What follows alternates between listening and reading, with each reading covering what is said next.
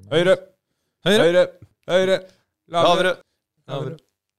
Mulig jeg har lest det her før. Jeg husker, jeg husker Det ikke. gjør ikke noe Selvfølgelig. Du har lest det i tre episoder i hvert fall. Det, han var eh, blott en teaterhelt. Har jeg har det? Ja, ja. Det gjør ingenting. Det er greit for meg. Hæ? Hæ?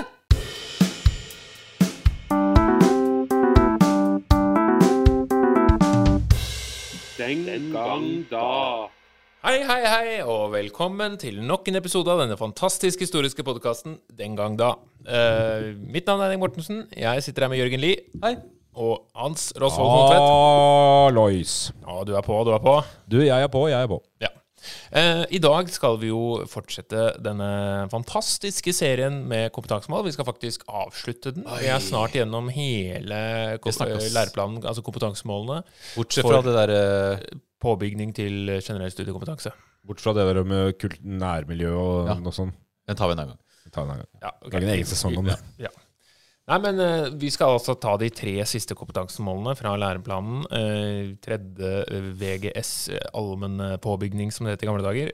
Påbygning til studiekompetanse, er det ikke det det heter? Er det det heter? Godt sagt. Som er jo en sånn sammenslåing av VG2 og eh, VG3. VG2 og VG3. Fordi historie er fellesfag på VG2 og VG3 på videregående, for de som lurte på det. Og da får vi en pen sum med pensum. Jep. Eh, skal vi bare kline til?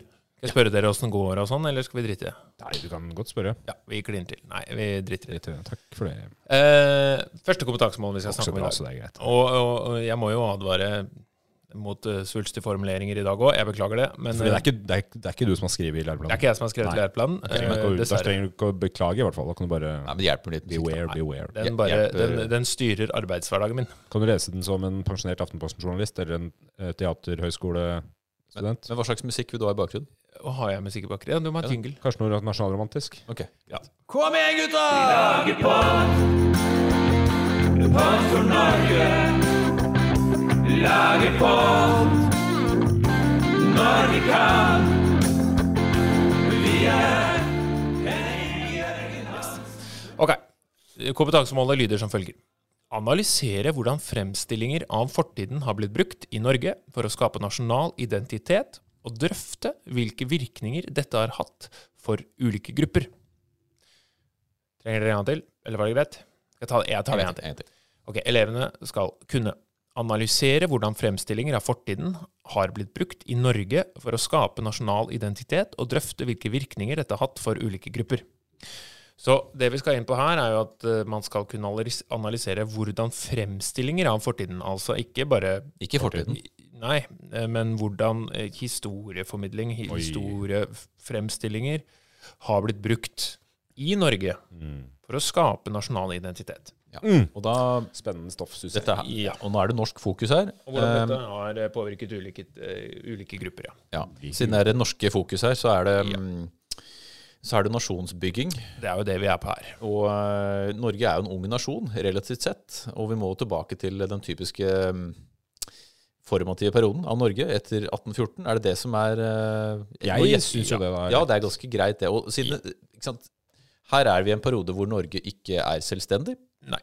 Hvor man trenger å skape en eh, slags eh, historie om hva nasjonen er, når den ikke eksisterer. Ja. Hva vil det si å være norsk? Hva vil det si å være norsk? Og det er jo et spørsmål som man, eh, som man kan stille elever i dag òg. Hva, hva er typisk norsk? Og så svarer de brunost, Bunad. bu- bunad Kvikk Lunsj. Viking. Selv om de kanskje aldri selv har gått på tur. Men det er det de tenker ah, det er klisjé. Ja, I hvert fall ikke vært på Viking, håper jeg. Nei. Men det som er interessant, da, er jo at mye av det man i dag tenker på som typisk norsk, er jo nettopp det man frem, La oss bruke et litt ladd begrep, da, frem, fremkonstruerte som typisk norsk på 1800-tallet. Ja. Så det vi kommer til å snakke om her, er jo et prosjekt som åpenbart virka.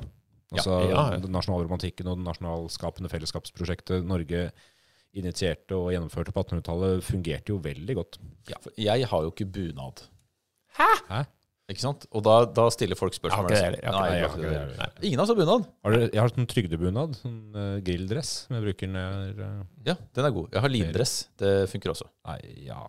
Men Jeg har eh, joggedress. det er joggedress. Det er mye bra dress. Men, men bunaden er jo et godt eksempel på, på hva man ser på som et typisk norsk nasjonalsymbol. Mm. At nasjonalromantisk symbol også. Det er jo liksom det er eh, med røtter i 1800-tallet, og bunaden er jo ikke så gammel. Den er ikke så gammel. Den er jo, det er jo hun Hulda Garborg, kona til uh, Arne Garborg, som, uh, som var pådriver for bunaden første halvdel av ja, 19, rundt 1910 og framover. Uh, cirka. Og hun uh, fremelska jo dette her, sa at det var liksom norske folkedrakter uh, Eller inspirert av norske folkedrakter. Men altså, alle disse folkedraktene som inspirerte de moderne bunadene, var jo stort sett noen felles europeisk mote fra 1700-tallet fremover. Og så tok man, og så tok man jo utgangspunkt i mønstre man kunne finne på noen gamle skap, eller sånn, Ja, og så sa at dette er fra Setersdalen, eller dette er fra Ja. ikke sant? Og så lagde man bunader.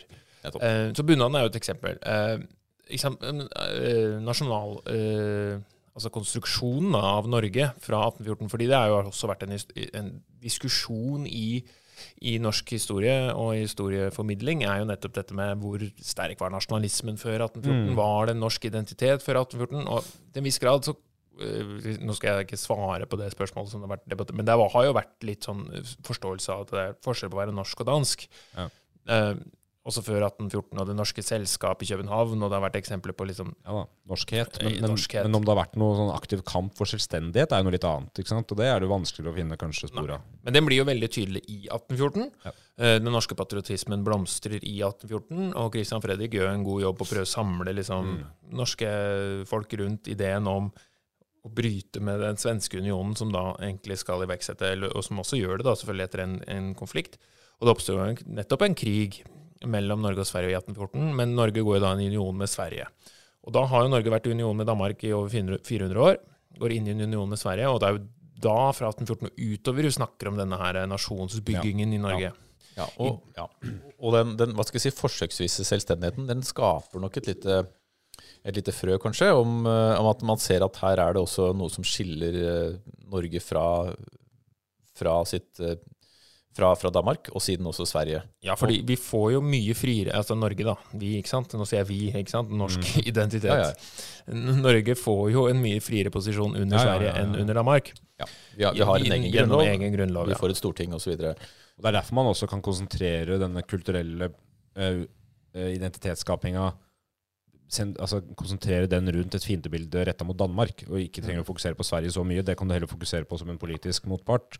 Og da blir jo annet språk en viktig Ja. del av Ja, ikke sant? Og Derav utvikling av bokmål, eller det som senere blir bokmål nynorsk, da, altså utarbeidelsen av norske språk, eh, for å gjenspeile norsk virkelighet.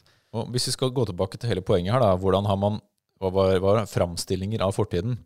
Så, Ja. så er det jo nettopp det, da. At hva leter man etter i historien som er ikke dansk? Ja, for eksempel, og Da kan vi bruke igjen språk som eksempel. da, fordi Man bruker jo dialektene fordi de ikke har blitt berørt av dansk skriftspråk og talespråk så mye. Ei heller uh, har Altså de, de har heller kanskje snev av norrønt. Man leter i hvert fall frem de snevene av norrønt man finner, og så, og så fremvekker man den gamle norrøne kulturarven og det norrøne språket igjen. Du ser en renessanse for norrøne navn, du ser uh, norrøn litteratur bli poppis. Man fremelsker vikingtiden som en særnorsk fenomen og tenker ikke så mye på at det var svensker og dansker som også drev med det, men man fremstiller det som en norsk greie. da. Ja, og man finner jo også eh, norske eventyr og samler de, og man ønsker å liksom samle norskhet. Og dette handler jo også om mm, eh, En viktig ting i nasjonsbygging handler ofte om å finne ting i fortiden som binder oss sammen.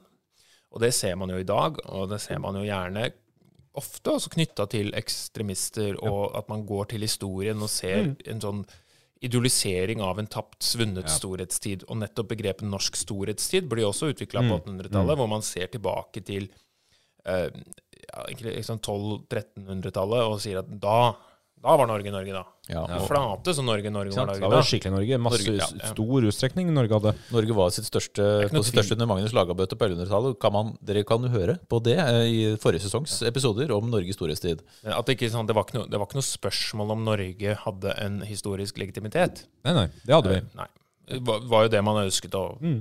Å få frem, da. Ja, ja, ja. Ikke sant? For et, en, et, nasjon er jo en konstruksjon, en idé om et fellesskap basert på en, en fiktiv tilhørighet. Enten politisk eller kulturell, eller historisk eller språklig. Og her fremelsker man altså da Man hadde jo ikke den politiske enheten, enheten i Norge på det, på, annet, eller på det tidspunktet, her, så derfor fremelsker man heller da den historisk-kulturelle. da. For å trekke et eksempel Jeg jeg har sikkert lest dette tidligere, for jeg bruker det jo mye i undervisningen og, og sånn, men, men Du begynner hver time med det sitatet. Jeg begynner hver time, men ikke sant? en uh, historisk innledning til Grunnloven. Eh, avslutning, 1882, av Ernst Sars. eh, som er jo et, han var jo en venstremann, en som skrev, en norsk historiker som skrev om norsk historie, og nettopp ønsket å få frem norskheten i den norske historien.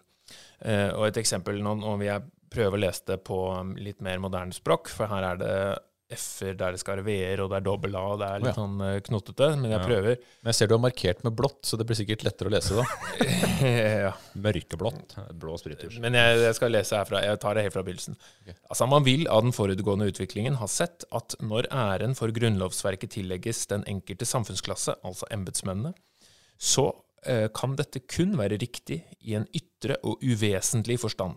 Historiske forutsetninger uten, hvilken, uten hvilke tanker om at give Norge en fri forfatning aldri kunne ha oppstått, eller uten hvilke Grunnloven alene ville ha vært et stykke papir men ble skapt ved århundrets arbeide, og i dette arbeidet har det hele folk tatt del. Først og fremst bøndene.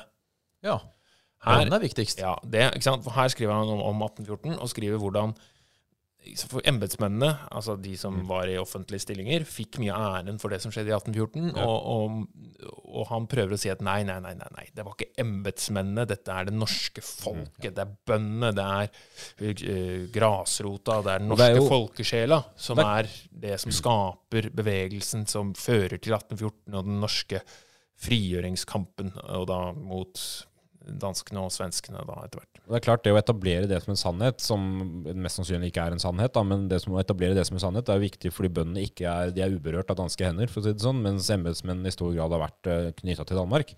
Og da, og da lager du et Norge for nordmenn, da, for å si det sånn eh, litt enkelt. Det, jeg, jeg, en av de mest kreative delene av denne fornorsk, ikke, unnskyld, ikke fornorskinga, men det med, eh, denne nasjonsbyggingsprosjektet var jo eh, de som hadde en egen eh, innvandringsteori om at eh, norsk, de som bodde i Norge, eh, ikke hadde samme etniske bakgrunn som svensker og dansker, men at vi hadde kom til Norge gjennom en egen innvandringsbølge. Det fins ikke et snev engang av vitenskapelig eh, bevis for å hevde noe sånt, men man konstruerte en sånn sannhet, eller teori da i hvert fall, om at vi var vårt eget folk fullt og helt. Vi var, vi var ikke knytta etnisk engang, til, eller genetisk, til eh, svensker og dansker. Og det er et godt eksempel på hvordan framstillinger Ja. av fortiden er Det viktig. det. Ikke fortiden i seg selv. Nei. Men uh, ja. Nei, fortiden er stort sett mange folk som prøver å overleve. Ja, Og så må man prøve å kategorisere dem i en slags Ja, og det- forståelig Og det gjør man retorisk. Man velger seg ut noe for å komme til et mål da. Og, For, for eksempel bøndene, da. Ja, Som, men- som, er et, ja. sånn, som blir et nasjonalromantisk symbol.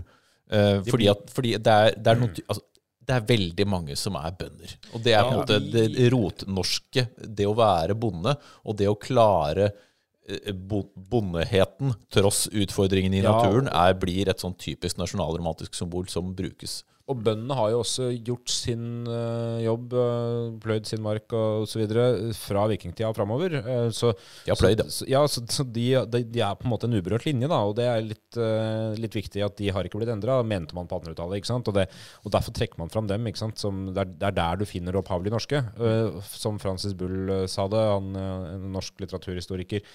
At, om dette prosjektet her, at hvis altså Det gjaldt å finne enheten i vår historie, og hvis denne sammenhengen eller enheten ikke fantes, så måtte vi konstruere den frem. altså Vi måtte lage sammenhengen i norsk historie, selv om den ikke nødvendigvis var der egentlig. Men det er jo ikke feil at bøndene er en kontinuitet i Nei, norsk nei. historie. Fordi Nei. i, i det, det, er, det skiller jo ikke nødvendigvis uh, nordmenn fra andre. Nei, det det det, for. Bønder har jo alltid vært din linje, og og det er jo en ting. Noe annet er jo at er det der du finner det ekte norske? Det kommer helt an på hvem du spør, men man definerte det slik da, i hvert fall. Og det var jo det, eh, hvis vi trekker det også av Marx, ikke bøndene eh, nødvendigvis, men eh, Arbeiderne, industriarbeiderne.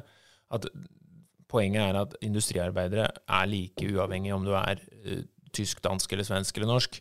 Ja. Vi har en felleshet i vårt arbeiderklassefellesskap heller er enn et nasjonalt konstruert fellesskap. Ja, Da ja. har det jo vært mye konflikt mellom eh, kommunister og nasjonalister opp gjennom årene. Det har jo også vært det. Og det er jo heller ikke sant at en gruppetilhørighet gjør at individene i den gruppa skiller seg utelukkende fra andre grupper. De skiller seg i aller høyeste grad fra andre i samme gruppe også, viser det seg.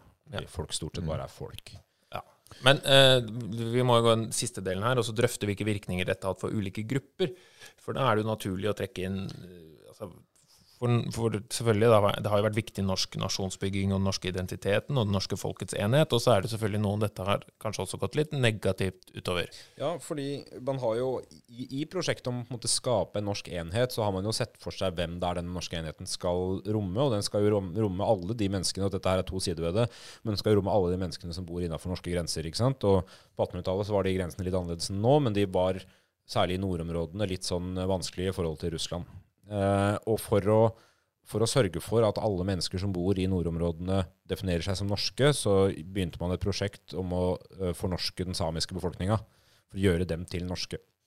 Og det eh, Hvis du bare sier det på den måten, så høres det ikke nødvendigvis helt sinnssykt ut, fordi du ønsker å konsolidere norsk grensedragning, og så skal du si at alle som er her, de er nordmenn, og samer er nordmenn. Ja. Men Det er jo den snevre forståelsen av hva det er å være nordmann, som er problemet. det er nettopp det. Og det innebærer jo også at du sier til samene at dere kan ikke eh, leve tradisjonelt ved å vandre på kryss av landegrensene. Dere skal holde dere til eh, de norske skikkene. Dere skal eh, holde dere til norsk språk, helst. Dere skal sende barna deres på internatskoler, så de skal lære å bli norske og ikke samiske. og man man, eh, og og samene mister på den måten mye av sine opphavlige samiske nasjonale identitet da, og samiske kultur. Ja, for det er et viktig poeng at det går på bekostning av den opprinnelige kulturen. Det, er- det er jo noe av liksom, eh, nasjonalismens iboende dualitet. Det er jo nettopp det at eh, ved å binde sammen noen, så ekskluderer du andre. Det er jo sånn en gruppe fungerer. En gruppe kan ikke være hvor stor som helst. Da er det jo ikke en gruppe lenger, da er det bare alle. Men en gruppe defineres jo ved at noen passer innafor, og så er det andre som blir havner på utsida, enten de vil eller ikke. Jeg er så glad for at du og jeg er enige om det. Altså, Jørgen er sånn Han er ikke enig om det. Nei, fy faen, ass, tulling. Heldigvis har jeg mine andre fellesskap. Ja, og Jørgen og jeg er enige om noe som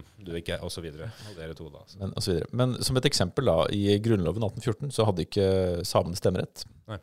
Det var det ikke så mange andre som hadde heller. Men Nei, det, det er sant. Det er. Eh, men, men ja. Det er Det gikk ikke så mange år, riktignok.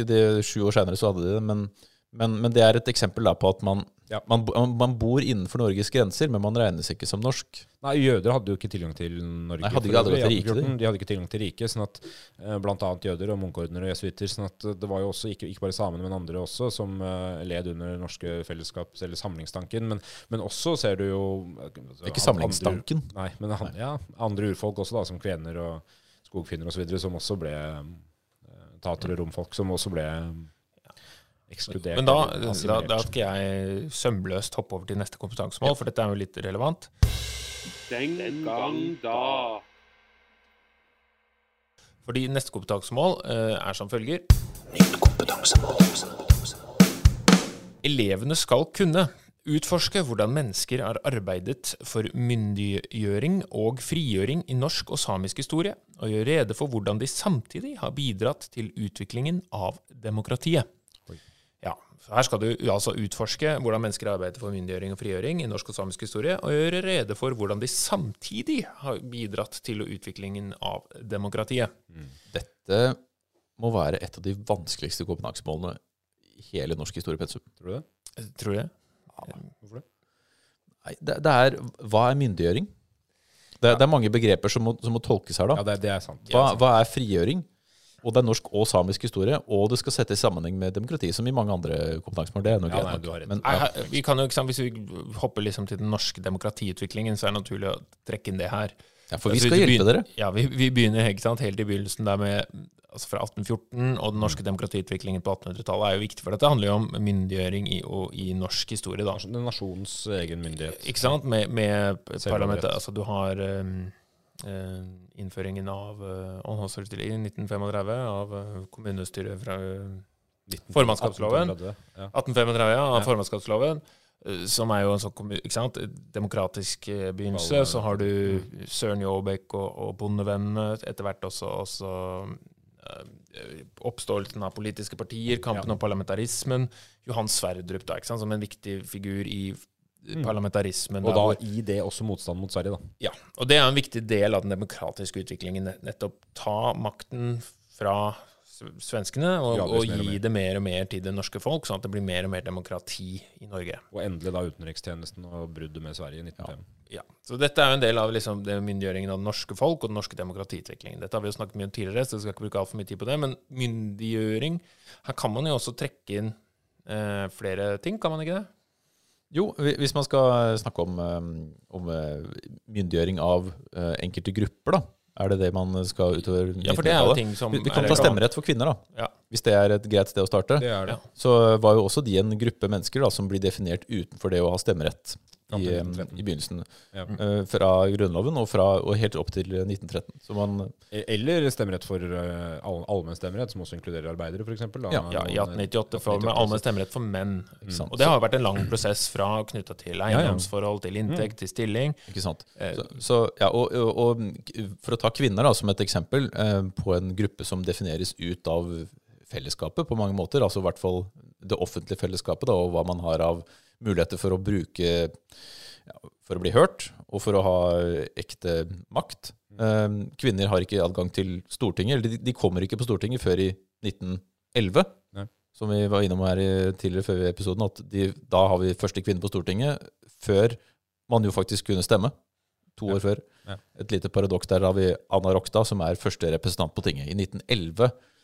Eh, det er jo noen år eh, som har gått. Det er nesten 100 år. Ja, ehm, så kvinners, eh, kvinnekampen, da, som jo kommer med feministbevegelsen på 1800-tallet, er kanskje en viktig del av svaret på det kompetansemålet her. Da, som, en, som en gruppe som må Ja. myndiggjøres, eller som får myndiggjort seg selv. Ja, og sannheten er, den er på ingen måte ferdig heller da, i 1913. Den, den fortsetter jo. Uh, og utvider seg til å handle om kvinners rett til utdanning, kvinners rett til eh, arbeid, til etter hvert til likelønn, og som handler om etter hvert også mer abstrakte fenomen som eh, fokus på kvinner i litteratur, i kultur, fokus på kvinnelig seksuell frigjøring, utvida også da til lesbisk og homofil eh, frigjøringskamp eh, på 1970-tallet fremover, eller 60-tallet fremover, og, og vi, vi får eh, ja, i det hele tatt eh, st store sånne eh, bevegelser mot eh, stadig flere menneskers sentrale posisjon i et norsk offentlig liv. Da. Dette handler ikke bare om stemmerett, for demokrati handler også om hvilke stemmer som blir hørt, og da trenger du et fokus på, på individers rett til å leve livene sine. Ja. Og så er det naturlig å trekke inn samisk historie. Ja da, for det det, står jo også direkte i kontaktsmålet. Og vi snakka jo også om det i sted. Eh, skyggesiden av den norske samlinga på 1800-tallet, eller samlinga, den norske nasjonalismen, det er jo at samene eh, assimileres og, eh, og man prøver å kvitte seg med det samiske. og Man får jo motstand mot dette her fra samisk hold, og etter hvert også fra norsk hold, men det tar lang tid før nordmenn selv kommer på banen. Eh, man kan jo nevne Kautokeino-opprøret i 1852. Men, eh, som én sånn hendelse. Men, men det, det, er jo, det er ganske langt mellom de store uh, motstandene. Uh, men så får du en begynnelse her på Det blir i 1917 med Elsa Laula. Og første politiske samlinga i Trondheim, da, og senere også i Sverige, året etter, vel. Uh, lite politisk motstand, i hvert fall som uh, merker seg etter hvert etter det her, men fra 70-tallet og frem så får du mer både kulturell og politisk oppblomstring eh, fra samisk hold. Eh, og gradvis, særlig den, kanskje gjennom eh, Alta-vassdragssaken, så, så får også nordmenn mer, mer nyss om hvordan den norske staten egentlig har behandla samene. Og da er vi på 70-tallet. Da er vi på 70-tallet, og, du- og du får jo også eh, etter hvert eh, det viktigste hendelsen er kanskje eh, etableringen av Sametinget Ja, 1989. 1989. som er et, det er et politisk organ som, som, det, som det heter at de har rett til å bli hørt. De har ikke Det kan diskuteres hvor reell den politiske makten til Sametinget er, men de, men de forvalter Ja. De forvalter samenes eh, særrettigheter for naturområdene i Det- Troms og Finnmark spesielt. Det er jo et viktig poeng at du har jo egen finnmarkslovgivning, og du, du har jo lover som skal beskytte de samiske rettighetene og samenes mulighet til å leve sitt liv som urfolk. Men mens fremdeles er det jo mange som vil hevde at eh, den politiske kampen, eh, og særlig kulturelle kampen, ikke er over ennå, og at eh, det fremdeles er vanskelig. For dette går jo også på en litt mer sånn eh, altså, eh, Ikke filosofisk, men en større diskusjon om demokrati. Da. Hva er demokrati? Ja, nettopp. For demokrati er jo ikke bare flertallet bestemmer. Eh, Det er også å ta vare på minoritetene, minoritetenes stemme også bli hørt. Rett til å representere representasjon, rett til å bli hørt. Denne her ideen om at vi er, vi er alle forskjellige, og vi må ta vare på alles ulike interesser.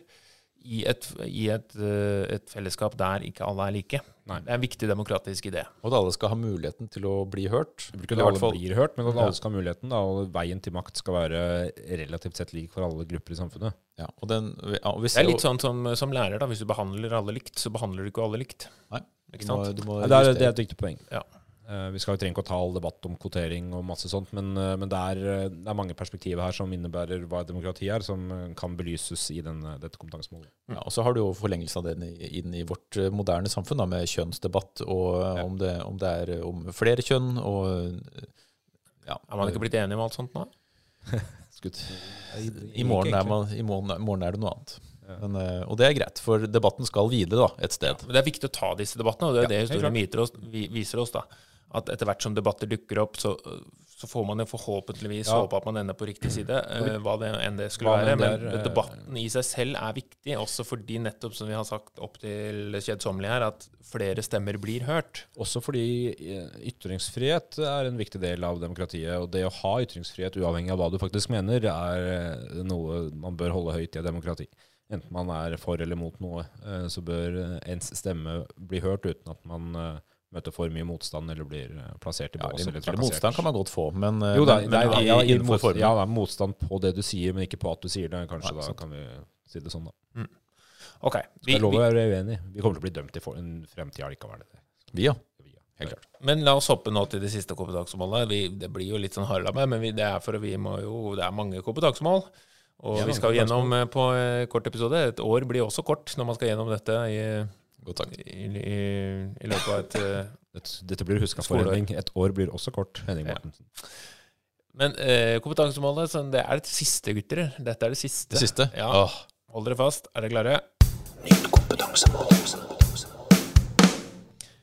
Elevene skal kunne gjøre rede for velferdsutviklingen i Norge på 1900-tallet og drøfte konsekvenser for menneskers liv. den, er, den Ja. er jo ganske konkret, da. Ja. Et av de mest konkrete kompetansemålene. Ja. I Norge på 1900-tallet. Og drøfte konsekvenser for menneskers liv. Skal vi starte med velferd, da? Hva er det? Ja, det er jo Ha det bra, da, er det ikke det? Jo, altså, velferdsstaten er, det er jo et begrep som dukker opp i, i politikken eh, Ja.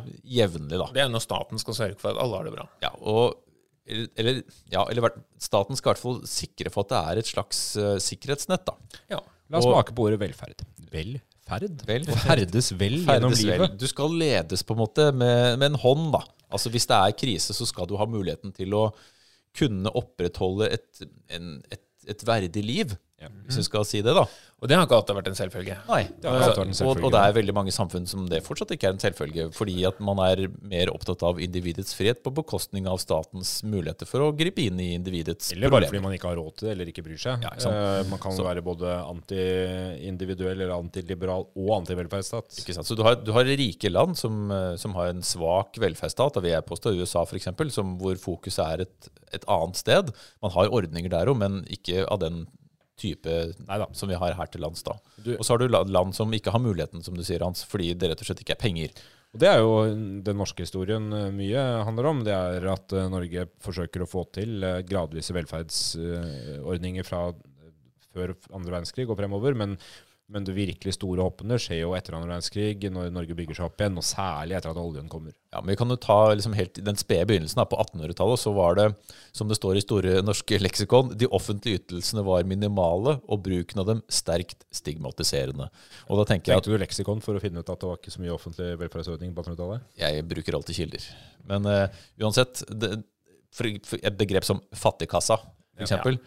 er jo det, det sier noe om, på måte, om holdningene til, til de det skal For det ligger at det ligger er stigmatiserende. ikke sant? Det at du ikke klarer deg sjøl, det er jo ikke noe når man Dårekiste. Eh, det, Dårekiste. var det, er ikke, ja, det er ikke et sted du vil. Nei, ikke sant? Så i, på 1800-tallet var det Det fantes ordninger, men de var minimale og ofte stigmatiserende. Ja. Og det er jo eh, Altså Velferdsstat og velferdsstatsutviklingen handler mye om hvem er fattigdommen sin skyld. er- ikke sant? Er det din egen skyld? Ja, da kan du takke deg sjøl, Ja. for å klare deg sjøl. Eller er det samfunnsstrukturene og omstendighetene sin skyld? Så da er det ikke din egen skyld, så da må vi noen sørge for at det har det greit. At det går bra. Det er liksom den der eh, balansen da mellom å ha ideen om at pull yourself up by the bootstraps, liksom. Ja. Eh, det er jo ikke alle som har en støvel å trekke seg opp etter. eh, I tillegg til at Ja. Det, det må jo være en balanse her, for for mye individuell frihet kan man heller ikke ta vekk. Eh, tenker jeg. Så, så, så, så norske prosjekter for eksempel, har jo innebært å finne denne balansen. Men på 1800-tallet så får vi også fremveksten av mye sosialistiske bevegelser, gjerne Ja. knytta til sant, arbeiderklassen. Og det er jo selvfølgelig også fordi arbeiderklassen er mye mer konsentrert enn bondestanden. Folk har jo alltid vært fattige, og folk har alltid slitt. Ja, ja. Men når du kommer inn på den moderniserte, industrialiserte verden, så ser man jo fattigdommen mye tydeligere konsentrert. Ja. Og, og man ser også forskjellen? I en by hvor du har fattige bydeler og du har rike bydeler, og man ser at noen tjener voldsomt, mens noen sliter med å leve i, og i krisetider. Så da blir jo også sympatien for, for de som eh, ikke klarer seg så bra, også selvfølgelig eh, lettere, altså mer påtrengende, fordi eller, fattigdommen blir mer påtrengende, så man, man ser det, og, og man har Karl Marx og andre sosialister som er veldig opptatt av at nå må vi forandre hele samfunnet og sånn. Men Mm. sosialismen som retning som er opptatt av å bedre arbeidernes kår, er jo vært viktig. Ja, for Man problematiserer rett og slett det å være fattig, da, og det å, ha, å være utenfor samfunnet på en måte. Og så sier man at det, det handler ikke noe om det handler mindre om skyld, men det handler mer om samfunnsstrukturer. Og hvordan man kan jobbe for å minke forskjellene i samfunnet, er jo grunnlaget i sosialismen. Sosialismen, faktisk. Sosiale. Sosialismen. Ok. Og så har du arbeiderbevegelser, og, og Ja. den eh, som er viktig. Eh, første arbeiderbevegelsen i Markus Trane i Norge, Mm, mm. Uh, som blir slått ned, men allikevel så er jo spirer og gror, og så får du allmenn stemmerett, som vi har vært inne på tidligere, i 1898, og et par år seinere får vi Arbeiderpartiet bli valgt inn på Stortinget, og man får mer politisk utvikling av velferdsstaten. For når arbeiderne får lov til å stemme, så vil jo de stemme på de som er opptatt av deres rettigheter, naturlig nok. Ja. Nettopp.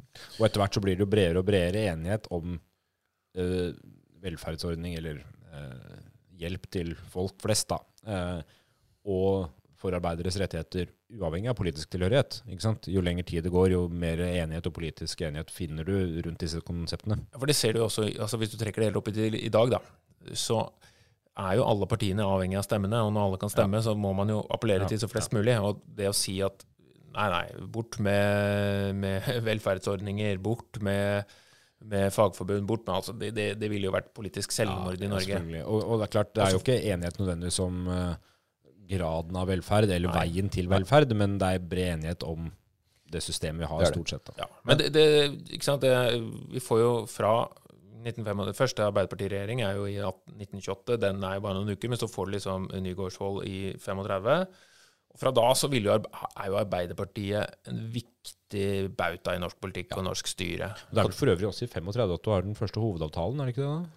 da? Det kan godt stemme, det vet jeg ikke. Eh, Da, det som i dag er NHO og LO. Ikke sant? Så, men det er jo, hvis vi skal gå til liksom Arbeiderpartiets storhetstid, så er jo det i etterkrigstiden da, etter, med Einar Gerhardsen. Og det er det her, her bygges velferdsstaten ut gradvis. eh, og det er, men, men det går noen år før man har liksom konkrete ordninger på plass. Det er Folketrygdloven kommer i 67. Og da har man altså Innenfor her da, så ligger det flere ting. Det er barnetrygd, syketrygd, arbeidsledighetstrygd og allmenn alderstrygd. Og disse ble da innført på 60-tallet. Og dette kommer i takt med at eh, fokuset på Eller Arbeiderpartiet har makt, og de har muligheten til å gjennomføre sånne type ordninger. Men det er også bred politisk enighet om at man skal gjøre det. Eh, samtidig da, så er det jo en annen poeng da, for uh, norgeshistorien at fra og med slutten av 60-tallet så har man jo oljealderen. Ja. Fra ni- 69 Ekofisk, som det første oljefeltet, oljefeltet, som man i norsk sammenheng eh, eller, Som blir jo viktig for norsk velferdsutvikling igjen, fordi det ble sterk statlig kontroll over det. Ja, men det, men det er viktig, og et viktig poeng er at velferdsstaten er etablert før oljealderen. Ja. Ja, ja. Det, og det er på en måte, det er, det er fort gjort å liksom tenke at oljen Ja. har gitt grobunn for velferdsstaten. Det er, det er Den sant, den ikke. men den er ikke, Eh, den er ikke opprinnelsen. Den gjør det, den gjør det lettere Den gjør det å drifte. en lettere. Vi får masse penger. Ja. Vi får masse penger. Den gjør det en hel del lettere å drifte. Ja, fordi penger, det, det koster jo penger eh, å drive velferdsstat. Masse, og du kan ikke ta inn alt på skatter og avgifter. Eh, så ikke for å opprettholde det nivået av velferd vi har i dag. og Det, det er mange som antakeligvis glemmer. Eh, Vi betaler eh, ikke så mye skatt og avgift eh, i Norge som man kanskje skulle tro, med tanke på hva vi får igjen. da. Ja, det kommer an på hvem du spør, om Vi betaler mye skatt, men Ja, vi betaler en del skatt, det gjør vi. Men ser du f.eks. på avgiftsnivået i USA, så er jo heller ikke det spesielt lavt. Til tross for at de får mindre igjen. Nei, men uansett da. Denne oljealderen gjør jo hele velferdsstaten og prosjektet mye større, og mulighetene mye større for å dekke opp stadig, stadig flere områder, og på en grundigere måte. da. Så dette sikkerhetsnettet bygges gradvis ut. Men hvilke konsekvenser har dette hatt for menneskers liv, da? Har vi Ja, blitt, det. eh, har vi blitt uh, late døgnikker som tar alt for gitt, eller Altså, er vi fortsatt to, en to eh, sider her. På den ene siden så kan du si at uh, det har vært positivt all over for Norge, fordi, eller for norske mennesker, mennesker som bor i Norge, fordi man uh, har gratis utdanning. Det har gjort at utdanningsnivåene øker, naturlig nok. Det gjør det lettere å Kanskje kvinnefrigjøringen har vært lettere eh, med tanke på tilgang til eh, arbeid og eh, velferdsordninger, barnepass osv. Men det, det er jo den positive siden. Du kan du sikkert også si at, at det har hatt negative konsekvenser for den individuelle friheten. Men jeg, jeg tror at svaret på det her vil variere avhengig av hva slags politisk ståsted man har. Ja, det går an. Men, og det er vanskelig ikke å bli politisk, men det å hindre forskjeller i samfunnet er en måte å få flere fram Altså å få fram flere talenter på, da, hvis du skal bruke det som et sånt, Ja, ja. Litt, litt sånn konkret eksempel. Altså hvis, Nå snakker vi ikke om Hvis- hvis norske ut- talenter. Nei. hvis, hvis utdannelse er gratis, Mm. så gjør du det mulig for alle. I, I teorien. Det er selvfølgelig modifikasjoner her også. Men, men hvis utdannelse er gratis, så betyr det at du, hvis du har et godt hode, kan komme deg fram til ditt mål ved å låne penger. Ikke sant? Så Ja. hvis du ikke har de samme mulighetene, så vil du kanskje også miste talentet på veien. Og det er jo det som er et av argumentene til velferdsstaten. Det, det, det er bare ett av dem. og det er klart at eh, for store forskjeller, uavhengig av hva man mener om på en måte, individuell frihet og muligheten til å jobbe seg fram og tjene egne penger og sånn, eh, som man for øvrig har muligheten til i det norske systemet, så vil for store forskjeller i samfunnet være farlig uh, av mange andre grunner også. Det viser seg jo som svært destabiliserende, da. Det blir veldig destabiliserende med store forskjeller. Det Du kan jo bare prøve med barna dine og så gi Ja, den ene mye større eksempel. julegave enn den andre. Det blir Så- politisk vanskelig, eh, det blir økonomisk problematisk, fordi noen havner lenger og lenger nedpå og kan i mindre og mindre grad bidra til samfunnet. Mm. Det er samme som at eh, samfunnsmessige argumentet for, å, for feminismen eller for å få kvinner ut i arbeid i utgangspunktet er selvfølgelig at jo flere hender du har i arbeid, jo bedre er det. Så kan man f.eks. trekke inn Lånekassen da, som et godt eksempel på det som jevner ut øh, samfunnet, som også er en slags velferdsordning. Du får et ekstremt billig lån for å kunne ta utdannelse. Det er ikke alle land som har en slik ordning, Nei. og som da gjør det Og i tillegg så er også utdannelse ikke gratis, så man må da betale masse for å ta utdannelsen sin. dette, er, altså, dette er en politisk balansegang, og dette er jo økonomi, økonomenes eh, domene. Altså, for det er vanskelig. Norge har jo eh, frontfagsmodellen eh, som en viktig del av den norske eh, velferdsstaten og velferdsutviklingen. Nettopp at industrier, eller altså, eksportutsatte næringer skal forhandle lønn først. Nettopp fordi Norge er jo ikke et vakuum. Vi er avhengig av å fungere i en internasjonal økonomi. Og hvis norske lønninger, og hvis vi pøser på, så er vi ikke konkurransedyktige. Så hvis vi som lærere skal eh, tjene skyhøyt, da, eh, så vil jo noen si ja, men da, da vil det være urettferdig for de industriarbeiderne som eh, jobber i aluminiumsfabrikken skal selge til utlandet, så, for de kan ikke da konkurrere med eh, aluminiumsindustri i andre land.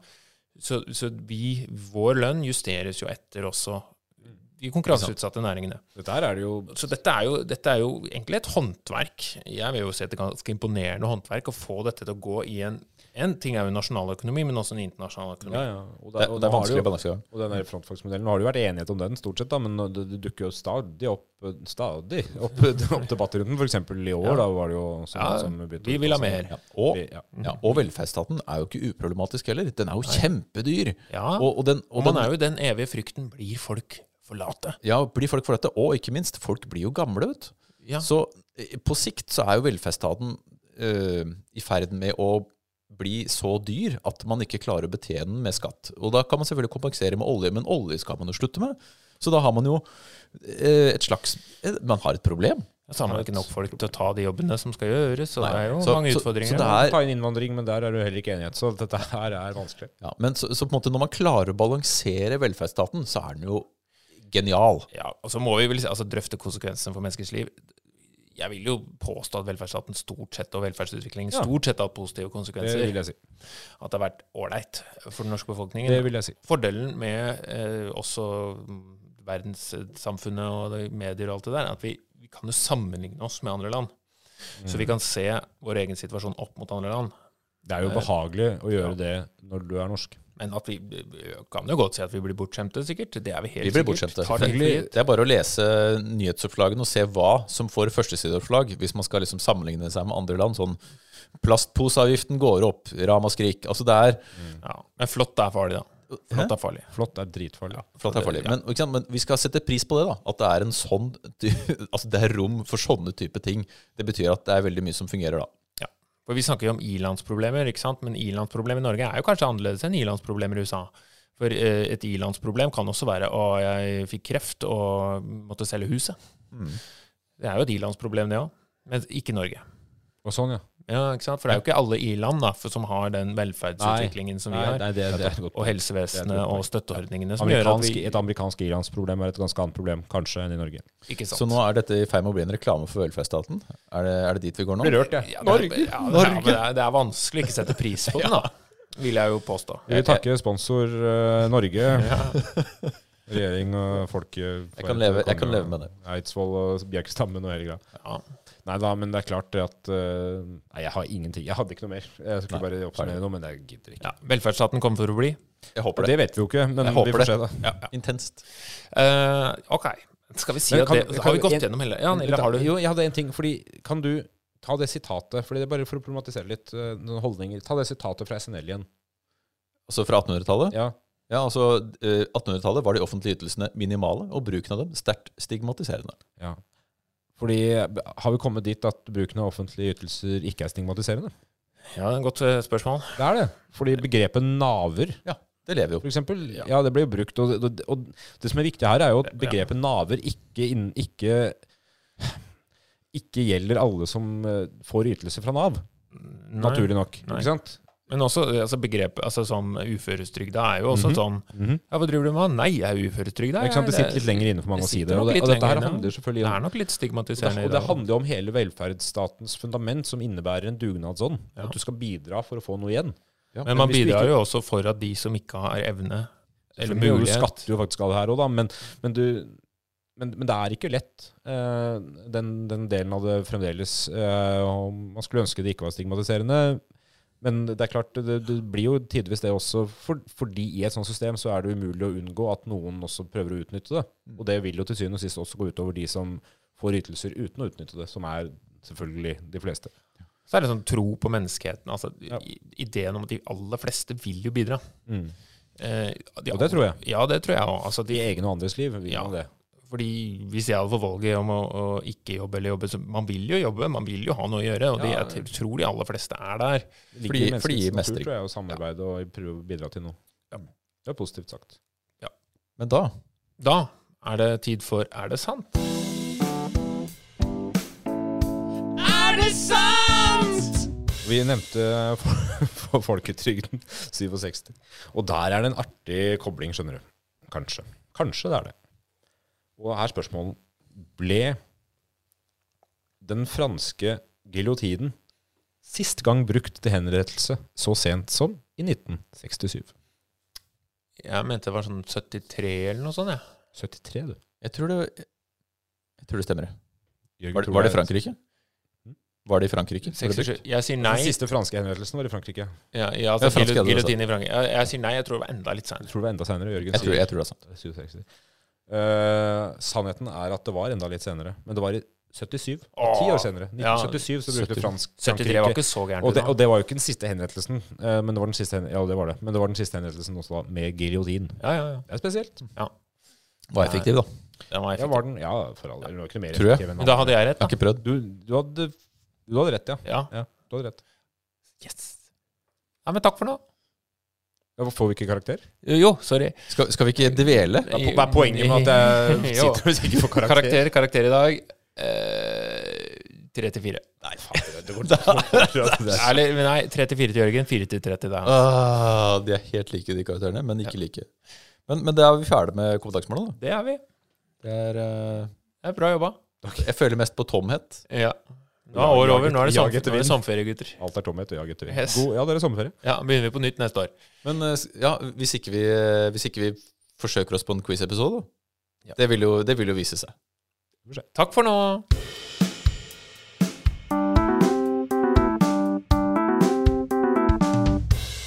Den gang da.